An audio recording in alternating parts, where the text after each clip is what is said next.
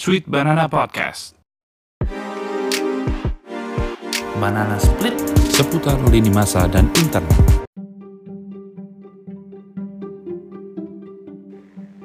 Harusnya tayang setiap Selasa, tapi podcast Banana Split minggu ini muncul hari Kamis. Mohon maaf lahir batin ya teman-teman. Tapi tenang aja, tema podcast minggu ini menarik banget. Akan kumulai dengan satu pertanyaan buat kalian. Mencari jodoh via aplikasi. Gimana menurut kalian? Hmm? Nggak ah, desperate banget kayaknya. Aku nggak suka dating app, bikin jiwa introvertku meronta-ronta.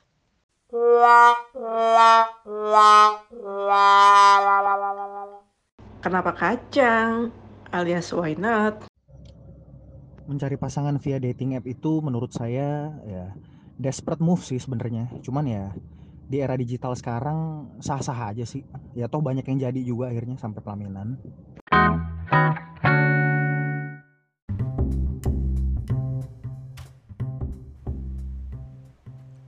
Minggu ini sebenarnya dunia nyata, dunia nyata ini agak heboh dengan um, hoax yang dipopulerkan oleh penyanyi pop uh, ibu kota, nggak ada yang penyanyi pop Indonesia, yaitu Dunia Manji.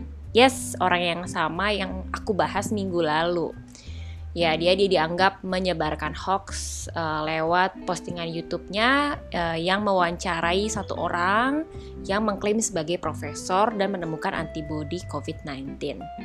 Heboh banget, seru juga, tapi kayaknya bosen gak sih bahas dia lagi dia lagi.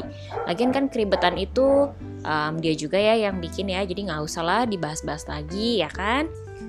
By the way, kalau misalnya nanti mendengar suara-suara berisik seperti gonggongan anjing, mohon maaf lahir batin teman-teman karena aku lagi uh, nginep di rumah orang tua aku dan lagi ada anjing kesayangan aku yaitu adik aku bernama Tokyo dan dia berisik banget jadinya ya kalau ada uh, sedikit gangguan mohon maaf ya Nah, anyway, kita mendingan langsung aja kan daripada bahas tadi bahas anjing. Lebih baik kita move on ke tema berikutnya minggu ini yaitu mencari gebetan lewat aplikasi.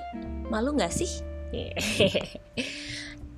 Tema ini aku pilih bukan karena ada keributan di lini masa yang disebabkan oleh uh, pencarian jodoh di dating app, bukan. Lagi nggak ada. Biasanya sih ada tuh di Twitter ya rame. Um, ada orang ketemu um, ketemu orang lain lagi di dating app ternyata di di dibohongin, ada yang di bahkan uh, diperkosa gitu ya. Tapi lagi nggak ada.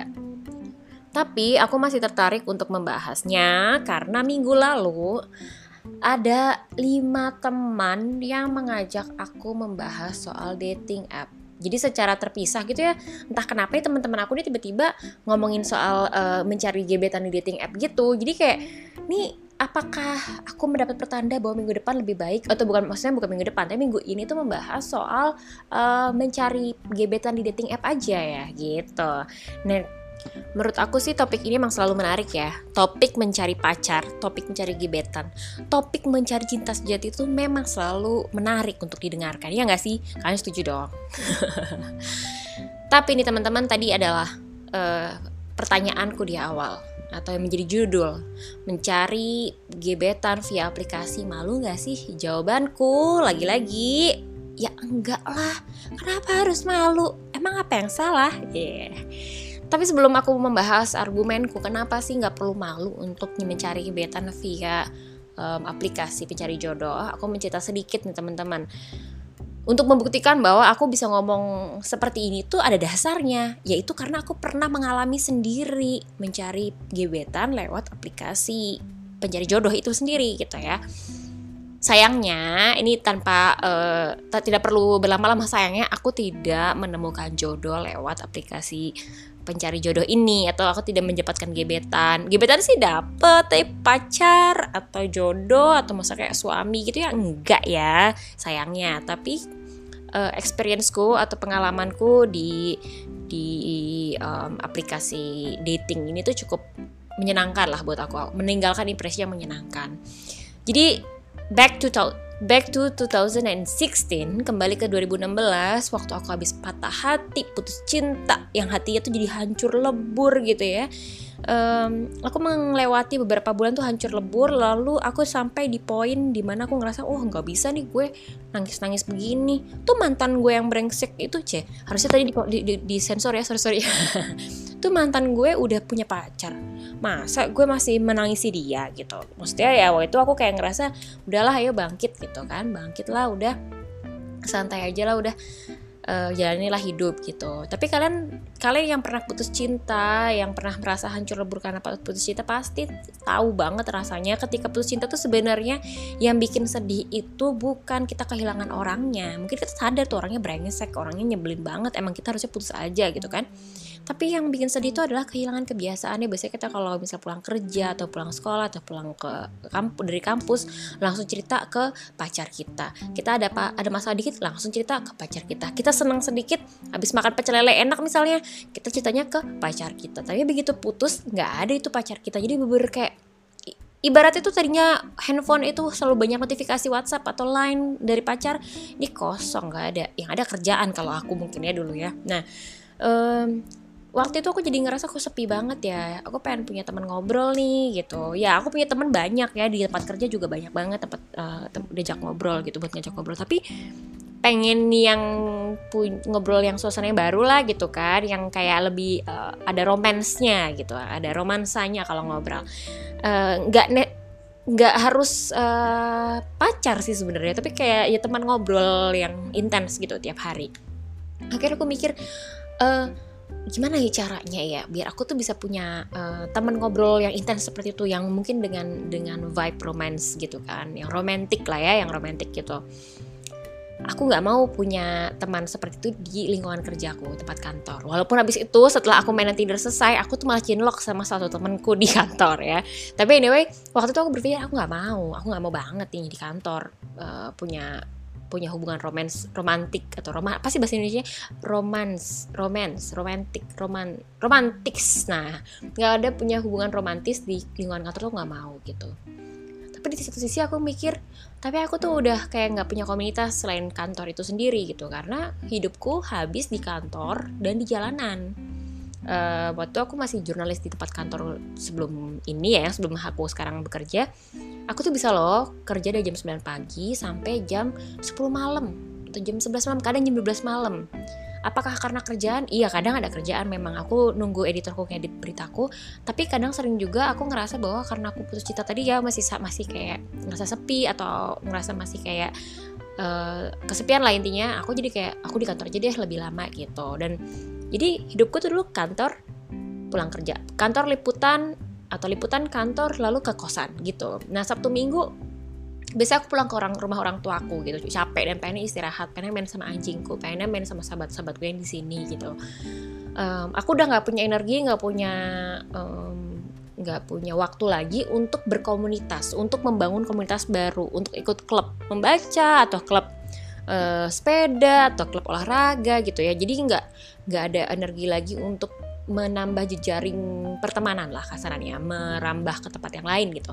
Nggak ada waktu untuk clubbing gitu. Clubbing clubbing klub klub yang joget-joget itu. Karena emang aku nggak suka juga sih dan aku nggak ada waktu nggak ada duit juga.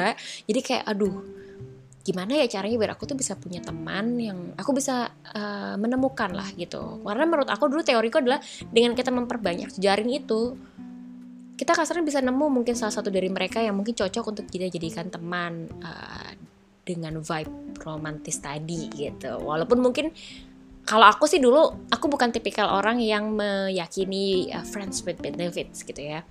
Uh, aku cukup cukup terbuka ya teman-teman dengan ide seperti itu. Jadi aku akan, akan ngomongin apa adanya. Aku tidak aku tidak menegasikan itu. Artinya aku tidak apa ya aku tidak menganggap itu hal yang buruk. Karena menurut aku itu pilihan orang masing-masing dosanya dia ya biar dia pertanggungjawabkan pada Tuhan. Tapi kalau aku pribadi aku memang tidak bisa friends with benefits gitu.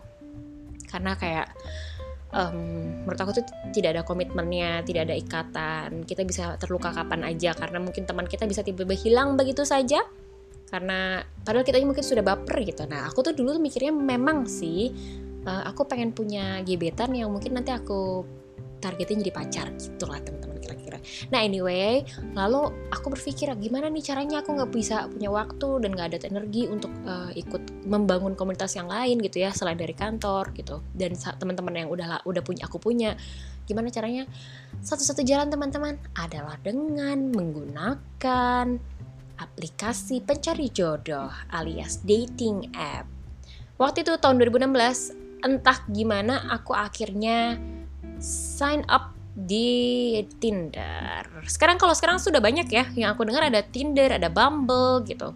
Sekarang ada udah banyak ya, sekarang udah ada itu tadi. Tapi kalau aku waktu itu Tinder. Nah, um, aku tidak menemukan jodoh seperti yang tadi dikatakan. Aku tidak menemukan jodoh, tidak menemukan pacar.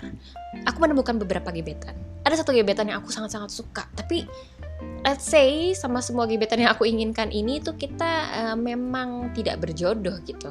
Ada aja uh, jurangnya, ada aja penghalangnya. Entah yang dianya menjauh, entah yang akunya tiba-tiba menjauh, mungkin dianya ilfil atau akunya yang ilfil gitu. Jadi beberapa kali. Lama-lama aku bosan aja sih main Tinder gitu. Ketika aku lagi istirahat main Tinder, eh malah ketemu akhirnya pacar yang tadi aku bilang ketemunya di kantor. Tapi abis itu dia putus, Abis itu aku nemu suami aku. Temu suami aku adalah teman lama aku. Uh, kami dulu liputan bareng, terus ketemu lagi, eh wah kok ganteng ya? Udah aku prospek. Terus jadi nikah. Nah artinya aku tuh nggak dapet jodoh dari si aplikasi ini. Cuman aku sangat senang gitu teman-teman. Karena uh, experienceku waktu itu sangat baik. Um, aku bisa uh, ketemu teman ngobrol ngobrol tuh hal-hal yang sangat-sangat uh, di luar yang aku bayangkan gitu. Aku bisa ngomongin politik, aku bisa ngomongin isu sosial sama mereka, aku bisa ngomongin soal hukum sama mereka, oh, serius banget ya. Tapi aku juga bisa ngomongin film-film, aku bisa ngomongin soal uh, keributan-keributan di sosmed. Menarik banget teman-teman sampai akhirnya um, uh, aku tuh punya tiga teman yang dari ketemunya di Tinder terus kita masih temenan di Instagram masih uh, kontak-kontakan kadang-kadang uh, masih tahu saling tahu gitu kehidupan mereka oh sekarang udah seperti ini udah ada yang nikah udah yang punya anak gitu gitu ya. Uh, masih saling kontakan dengan baik dengan secukupnya aja tapi masku itu meninggalkan impresi yang sangat menarik. Walaupun teman-teman seperti semua cewek yang mungkin uh, pakai Tinder atau semua seperti semua orang yang mungkin pakai Tinder ya nggak cuma cewek cowok juga aku rasa ada aku juga ngalamin tuh yang tiba-tiba ada orang uh, ngechat terus kode-kode pengen bubu bareng. Oh my god. Aku dengar dari teman-temanku katanya sekarang Tinder isinya cuma gitu doang. Isinya cuma orang-orang yang pengen bubu bareng doang ya kan? Iya aku juga dulu ngalamin sih. Cuman kalau udah kayak gitu biasanya aku kayak mm, no no. Langsung aku kayak nggak balesin atau aku um, unmatch ya kan? Tapi anyway aku punya impresi yang uh, menarik dari Tinder ini Bagaimana dengan kalian? Uh, apakah menarik ataukah belum pernah coba? Nah, bagi yang belum pernah coba, mungkin kalian masih galau, masih bingung berpikir bahwa ngapain sih gue mainan uh, dating app gitu ya? Uh, gue pengen punya pacar tapi ngapain sih dating app gitu ya kan? Tos dulu, karena dulu aku juga berpikir seperti itu sebelum aku main Tinder, sebelum aku uh, sign up di um, aplikasi jodoh ini aku juga mikir gitu dulu ih ngapain sih gue? Emang gue sedesperate sedesperate itu seputus asa itukah aku mencari jodoh? Se nggak laku itukah aku? Apa sih malu-maluin banget? It's teman-teman. Tapi setelah melewati beberapa refleksi dan melewati uh, beberapa pengalaman aku berpikir bahwa harusnya kita nggak usah malu teman-teman. Ngapain sih malu untuk mencari cinta sejati. Aduh, pengen muntah gak sih kalian? Oke, kita langsung aja teman-teman. Ada uh, tiga argumen aku kenapa kamu gak perlu malu untuk uh, mencari gebetan. Gebetan aja deh nggak usah nyari pacar. Mencari gebetan atau mencari prospek pacar atau bahkan mencari prospek suami atau istri di um, um, aplikasi perjodohan inilah ya. Pertama, menurut aku karena menurut aku dating app itu sama kayak mak comblang di dunia nyata. Kayak gimana maksudnya?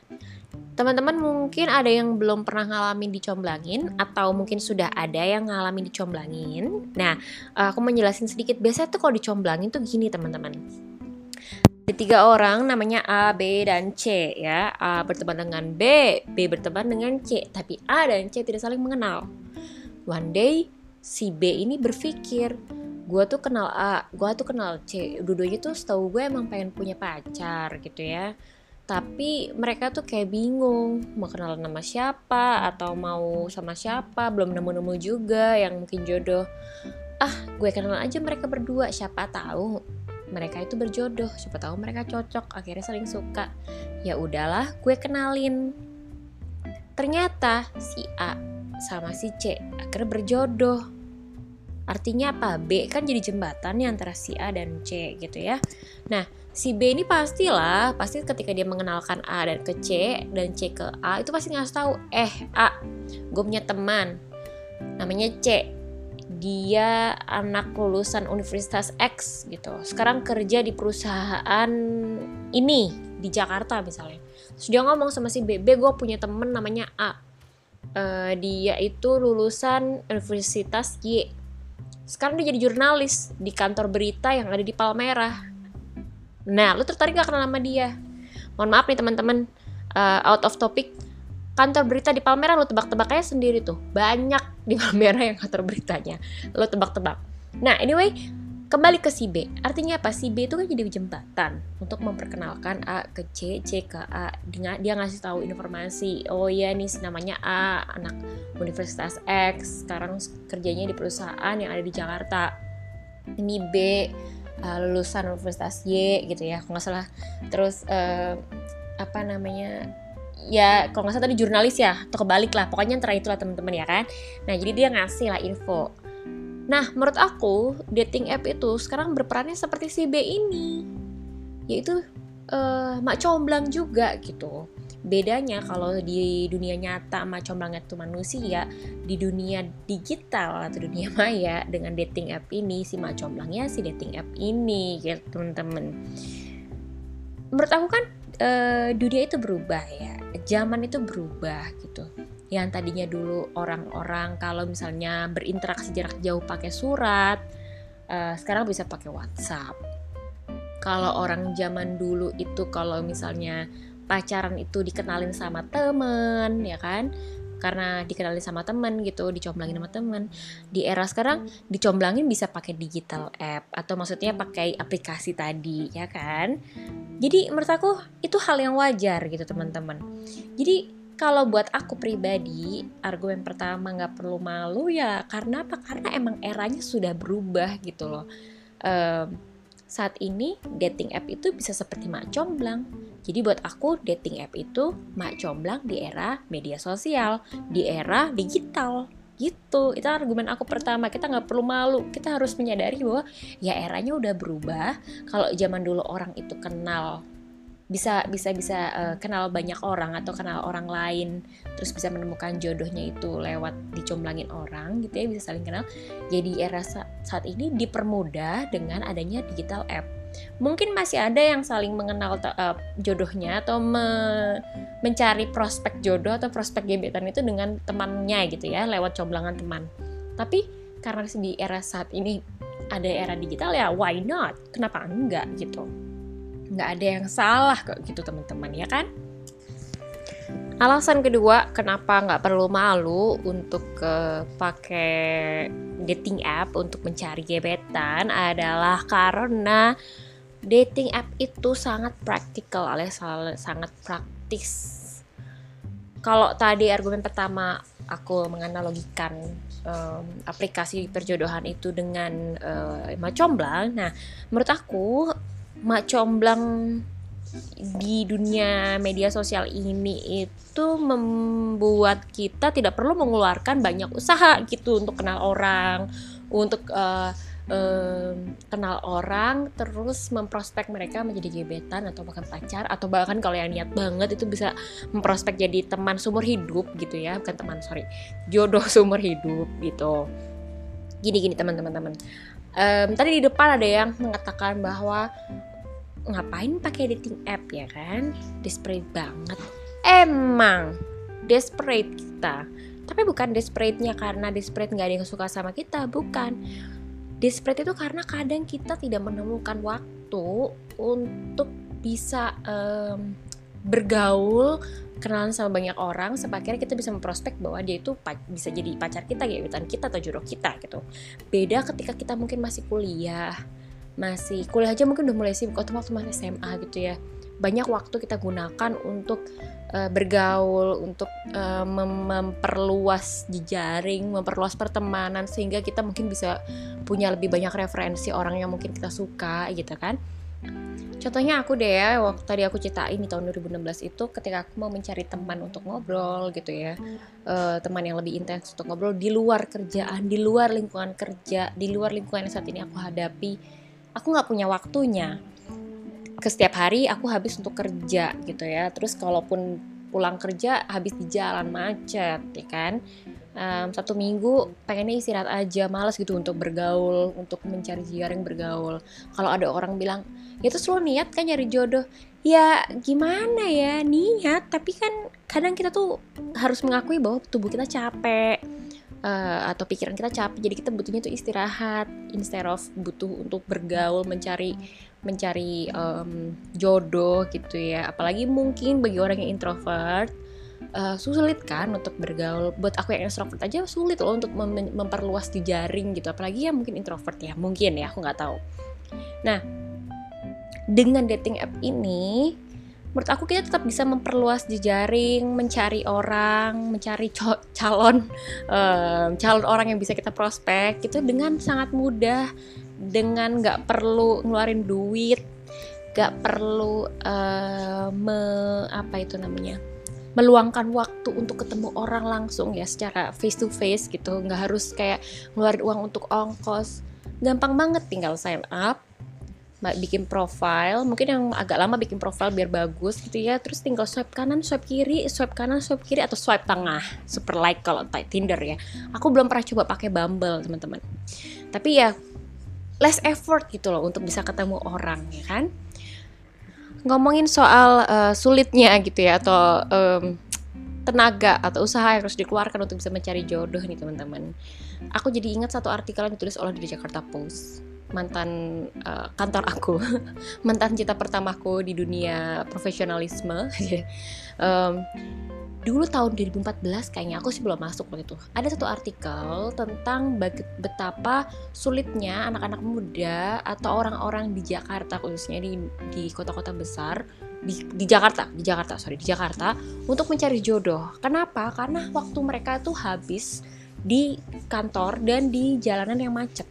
Selain waktu energi mereka juga terha- terbuang gitu di kantor di jalanan. Jadi mereka udah nggak punya energi lebih udah nggak punya waktu lebih untuk berjejaring tadi untuk mencari pacar. Jadinya akhirnya mereka ke dating site atau dating app gitu. Dan menurut aku sih ya teman-teman tadi ya kembali ke argumen pertama. Di era yang udah berbeda tuntutan berbeda dinamika juga berbeda. Jadi menurut aku tuh nggak apa-apa juga kita punya pemikiran yang berbeda. Nggak harus kok nyari jodoh tuh yang harus in real life gitu. Ketemu di dating app emang bukan real life karena real life zaman sekarang kan juga dunia maya kan juga real life kan gitu loh. Jadi ya tadi ya artik s- argumen kedua adalah dating app ini sangat praktikal ya sangat prak- praktis. Misalnya kamu pulang kerja nih lagi capek lagi di Transjakarta bosan buka medsos udah mungkin udah semua instastory temenmu kamu liatin tapi belum nyampe nyampe rumah bisa sambil swipe kanan kiri kanan kiri kanan kiri ya kan? Atau kalau Bumble gimana sih sistemnya? Ya pokoknya bisa sambil cari jodoh di dating app itu. Atau misalnya lagi Sabtu Minggu lagi istirahat habis kerja seminggu seminggu lebih lagi istirahat di rumah bisa sambil ya cari-carilah prospek-prospek gitu. Gampang kan praktis? Nggak keluarin biaya nggak keluarin energi lebih paling ya keluarin energi di jempol ya kan teman-teman? Gampang. Yang ketiga alasan ketiga kenapa sih kita tuh nggak perlu malu pakai dating app gitu ya? Karena dating app ini membantu banget bagi kamu-kamu atau kita-kita yang kalau nyari jodoh itu atau nyari orang yang mau diajak bicara atau atau nyari pacar itu sangat memikirkan background mereka. Dalam artian ada kan teman-teman yang mungkin eh mungkin kalau berteman sama siapa aja nggak pilih-pilih. Tapi kalau soal pacar aku pengennya yang eh, anak teknik atau aku pengennya yang lulusan sini atau aku tuh pengennya yang suka ngomongin soal anjing atau yang eh, hobi ngomongin film atau yang suka sama kucing misalnya kan kadang di aplikasi itu kan ada di profile mereka ditulis mereka sukanya apa atau mereka dari universitas mana atau mereka pekerjaannya dari perusahaan mana. Jadi kita bisa ngira-ngira kan itu bisa menjadi menjadi eh, apa namanya bisa menjadi eh, nilai plus gitu loh teman-teman. Untuk kita eh, memilih-milih mana nih wajak ngobrol mana yang mau kita prospek ya kan. Kabarnya di Bumble bahkan bisa eh, memilih ya dari agama yang sama. Ya di Indonesia itu kayaknya agama itu paling nomor satu cukup penting banget ya untuk mencari jodoh gitu ya. Walaupun kalau aku enggak tapi mungkin lebih banyak orang yang sangat mementingkan dia agamanya apa nih? gitu ya kan? Udah cakep tapi agamanya berbeda waduh kayaknya susah. Nah di Bumble ini katanya agamanya tuh eh, bisa dipilih gitu. Nah jadi menurut aku pertama ya pertama tidak hanya menjadi mak comblang, tidak hanya menjadi mak comblang yang sangat praktis, tapi dating app itu juga membantu kita untuk mensortir, mensortir, memilih dengan lebih tepat, dengan lebih akurat mana sih orang-orang yang kira-kira em, sesuai dengan keinginan kita, backgroundnya itu sesu- sesuai dengan keinginan kita gitu. Nggak jadi nggak asal comot aja, nggak asal eh, ketemu orang terus suka ternyata backgroundnya kok kayaknya em, backgroundnya nggak sesuai dengan harapan kita gitu. Jadi ya teman-teman ketika ditanyain malu nggak sih lo pakai dating app, desperate banget sih lo kalau pakai dat- dating app, balesin aja, sorry nih, gue cuma mau keep up the era gitu. Gue cuma pengen ngikutin em, em, apa namanya, eh, mengikuti eranya. Kenapa? Emang salahnya apa? Tidak ada yang salah kan teman-teman. Coba apa sih em, yang bikin dating app itu jadi il- maksudku gini dating app itu tidak ilegal kan? Secara hukum tidak. Em, dating app itu ilegal juga nggak sih secara atau ilegal? Tidak sah juga nggak sih secara agama? Enggak juga menurut aku ya. Kayaknya sih enggak ya sok sok aja. Tapi menurut aku di agamaku ya Kristen Kristiani gitu Kristen atau Katolik kayaknya nggak ada tuh larangan nggak eh, nggak nggak ada larangan untuk pakai dating app gitu teman-teman nggak ada. Kurasa nggak ada gitu. Jadi menurut aku nggak usah kalian ngerasa malu dan nggak usah ngerasa salah pakai dating app. Tidak ada yang salah. Salahlah ketika kamu pakai dating app untuk hal yang tidak benar. Contohnya untuk scam atau untuk eh, untuk nawarin bobok bareng tapi mungkin maksa ya. Kalau bobok bareng tapi sesuai konsensus alias sesuai kesepakatan bersama ya terserah lah aku sih terserah no comment tapi kalau untuk maksa terus eh, baru kenalan langsung eh bobo bareng gitu. Nggak ada omong-omongan apa nggak ada ngobrol-ngobrol. Aduh please lah harga diri kalian gimana sih kalau kayak gitu? Oh my god. Nah ngomongin soal scam dan bobok bareng yang ada di dating app aku sekarang mau ngasih tips bagaimana caranya supaya kalian bisa mainan atau mencari orang yang bisa diprospek di dating app dengan tetap aman dan nyaman. Pertama, jangan pernah memberikan apa pun, duit kah atau foto aneh-aneh kah, ketika kamu belum ketemu sama orangnya dan kamu belum earn the trust atau kamu tuh belum eh, belum percaya sama orang itu dan belum dipercaya sama orang itu juga gitu loh teman-teman. Kalau belum pernah ketemu, anggaplah itu yang kamu lihat di dating app itu tuh kayak masih aja mungkin aja tuh orang orang yang berbeda gitu. Kamu lihat mukanya tuh kayak Brad Pitt ternyata begitu ketemu bukan? Ya kan? Artinya dia udah dia tuh udah udah membohongi kamu lah kasarnya gitu teman-teman. Jadi menurut aku jangan memberikan apa pun. Duit kah atau foto kamu kah? Foto masih foto yang biasanya kan kadang minta foto sure atau apa? Atau minta apa lagi ya? Minta alamat kamu atau bahkan minta eh, mungkin kalau nomor telepon itu terserah kamu karena kadang pengen lanjut lagi ke WhatsApp ya. Tapi misalkan minta ya minta duit biasanya minta duit minta foto minta alamat. No no no no. Big no no no. Jangan mudah percaya.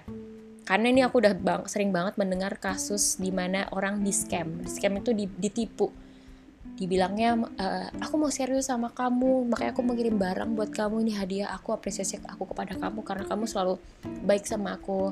Aku eh, mau ngirim barang tapi ada pajaknya kamu kirimin aku duit ya. No teman-teman. Sebelum ketemu no. Sebelum kau percaya sama dia juga no. No no no no. Ngirimin foto yang sure sure no. Please no teman-teman.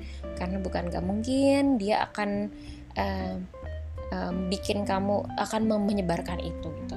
Entah menyebarkan di internet menyebarkan di site porno atau gimana. No jangan. Yang kedua tentukan niat kamu itu di dating app itu apa? Buat teman ngobrol aja kah? Mau mencari jodoh kah? Mau nyari suami tadi jodoh tuh suami atau istri gitu ya? Atau kamu mau nyari teman bobo? Oke? Kalau menurut aku ini saran aku banget dan ini preferenceku banget. Silahkan mau mengikuti atau tidak. Menurut aku itu perlu banget kamu state di profile kamu. Serious only misalnya. Kalau kamu emang pengen nyari suami atau istri. Atau kamu cuma mau bilang for fun only misalnya. Kalau kamu cuma pengen menjadi teman bobo. Atau kalau misalnya buat eh, teman ngobrol tulis aja. Kalau aku dulu kayak gitu ya. Uh, here just looking for a friend to talk to not to sleep with gitu gitulah kayak gitu not to sleep with. Karena emang aku cuma mau ngobrol doang gitu. aku gak banget mau nyari seks.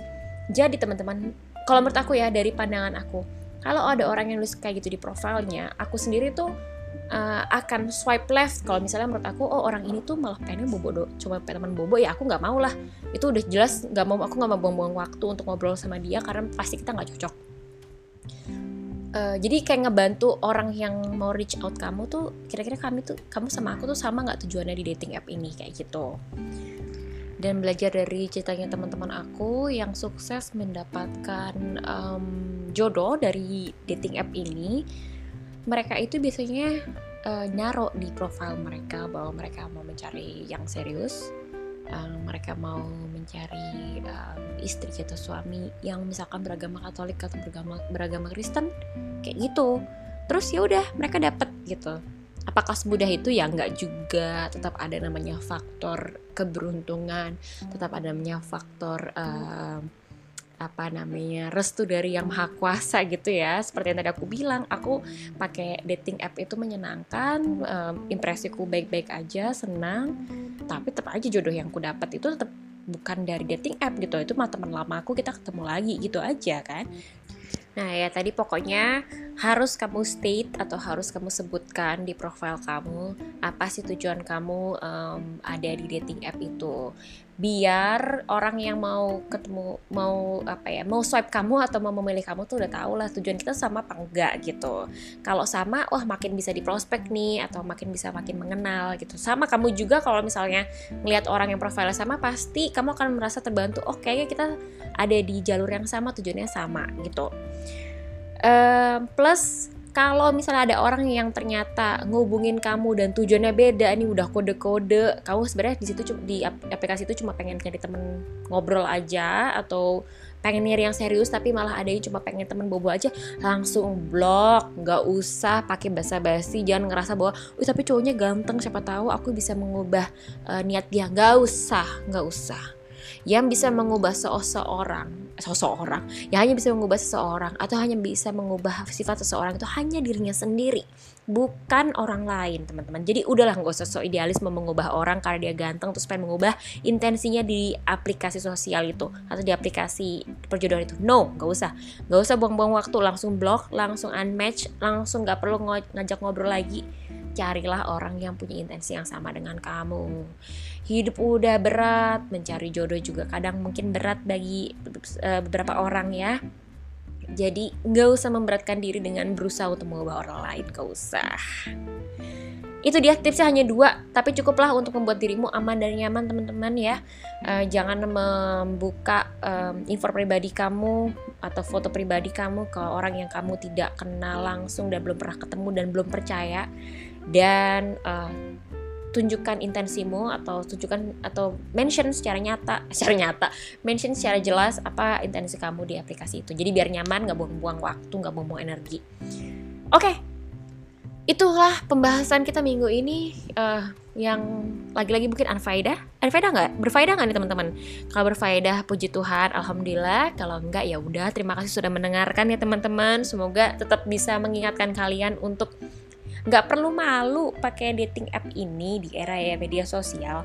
Karena kalau menurut aku ini ibaratnya itu seperti um, perubahan komunikasi dulu waktu mungkin zamannya belum ada uh, kantor pos, belum ada telepon, belum ada pager, belum ada WhatsApp segala macam yang memudahkan kita berkomunikasi seperti sekarang, orang-orang mungkin berkomunikasinya hanya tatap muka.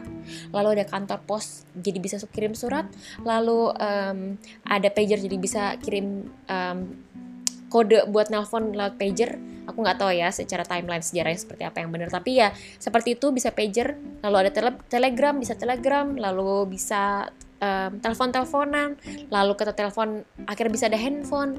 Begitu handphone ada WhatsApp ya kan? Sorry ada SMS sorry ada SMS abis itu ada WhatsApp ada Line lalu ada media sosial sekarang ada Facebook ada lebih, jadi lebih real time gitu ada perubahan kan kita pakai tuh ya sarana komunikasi itu teman-teman karena memudahkan why not gitu. Sama dulu orang kalau nyari jodoh itu uh, mungkin dijodohin sama orang tuanya.